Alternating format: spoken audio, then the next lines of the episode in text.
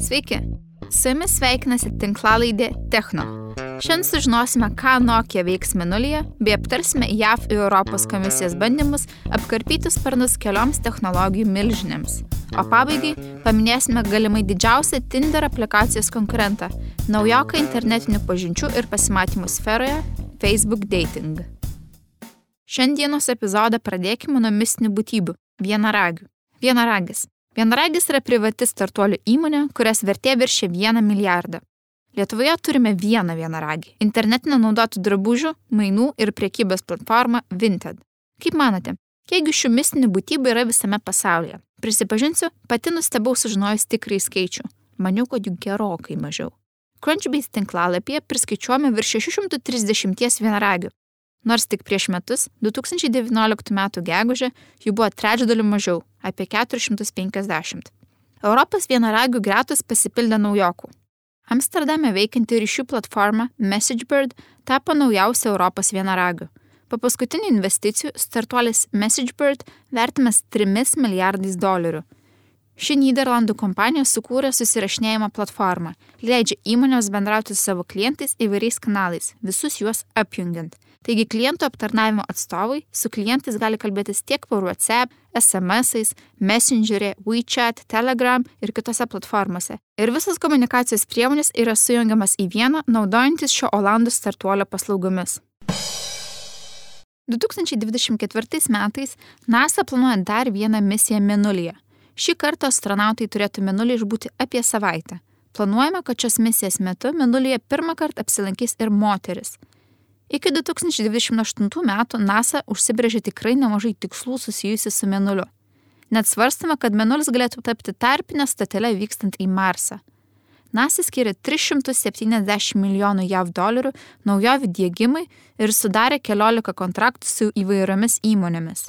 40 milijonų bus skirta kosminio aparato sukūrimui, kuris Mėnulyje sugebėtų gabenti 1 kg krovinius didesniais atstumais nei 2,5 km. Šį aparatą numatoma naudoti patikimų į Mėnulio kraterius ir didesnės ryškos Mėnulio paviršiaus stebėjimams. Taip pat keli finansuoti projektai bus skirti optimalesniam energijos panaudojimui esant Mėnulyje.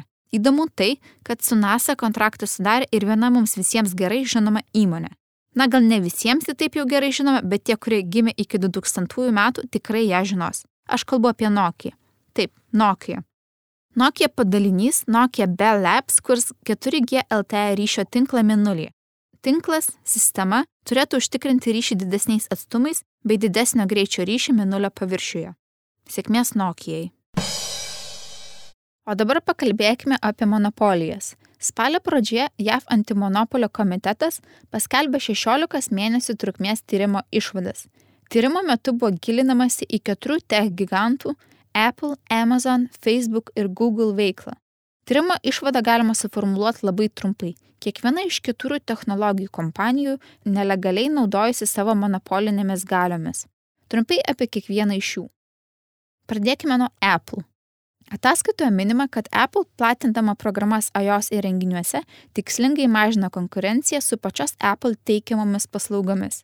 Amazon naudojasi monopolinėmis galiomis konkuruodama su kitais pardavėjais ir tiekėjais. Amazon svetainėje prekes galima pirkti tiek iš pačios Amazon, tiek iš kitų pardavėjų, trečiųjų šalių. Ataskaitoje minima, kad nors viešai Amazon trečiųjų šalių pardavėjas apibūna kaip partnerius, tačiau vidinėse dokumentuose už uždarų durų bendrovė jos vadina vidiniais konkurentais.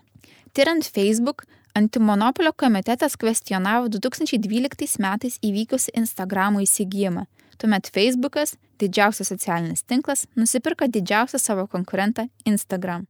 Ataskaitoje taip pat atkreipiamas dėmesys į Google ir internetinių paieškų rinkos monopolizavimą.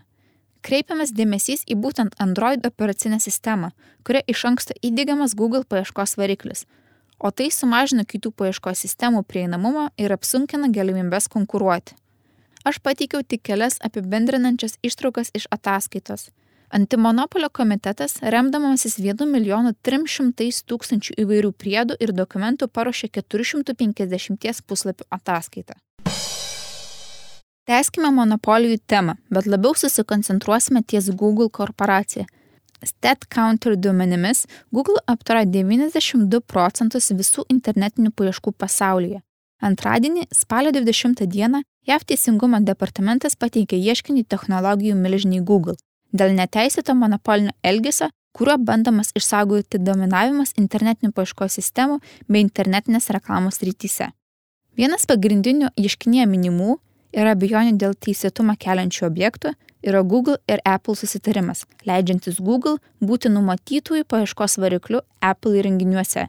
Silicis lėnyje egzistuoja toks terminas - competition, naujadaras iš žodžių kooperacija, cooperation ir konkurencija - competition.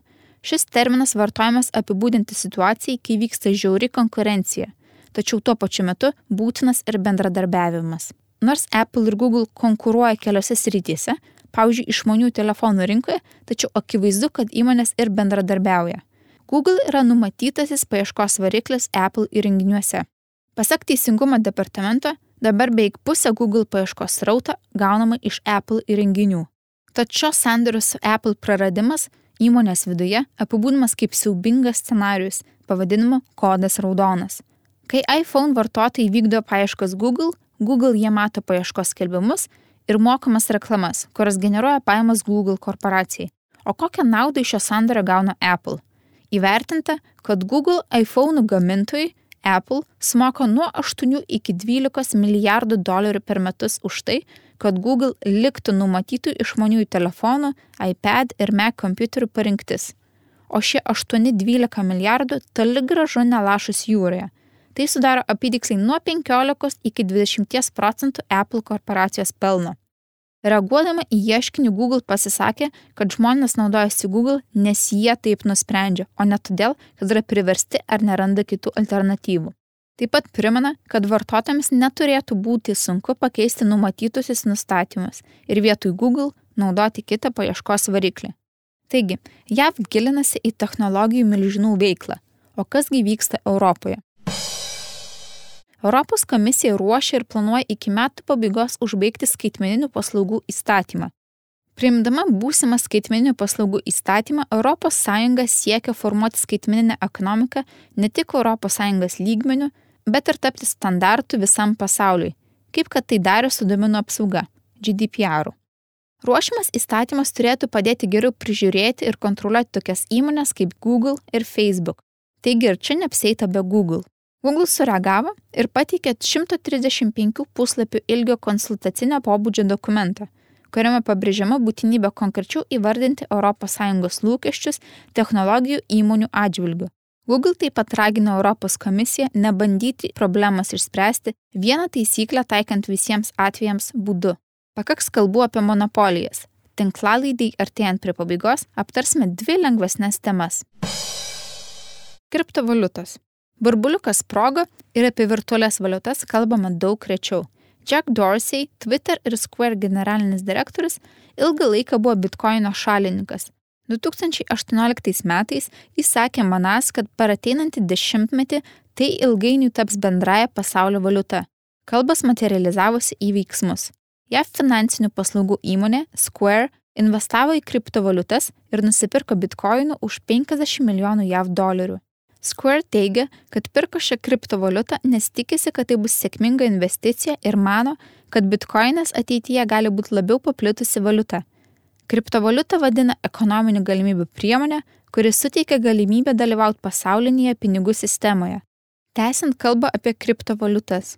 Kriptovaliutų priekyba ir pirkimai jau leidžiami keliose atsiskaitimų platformose.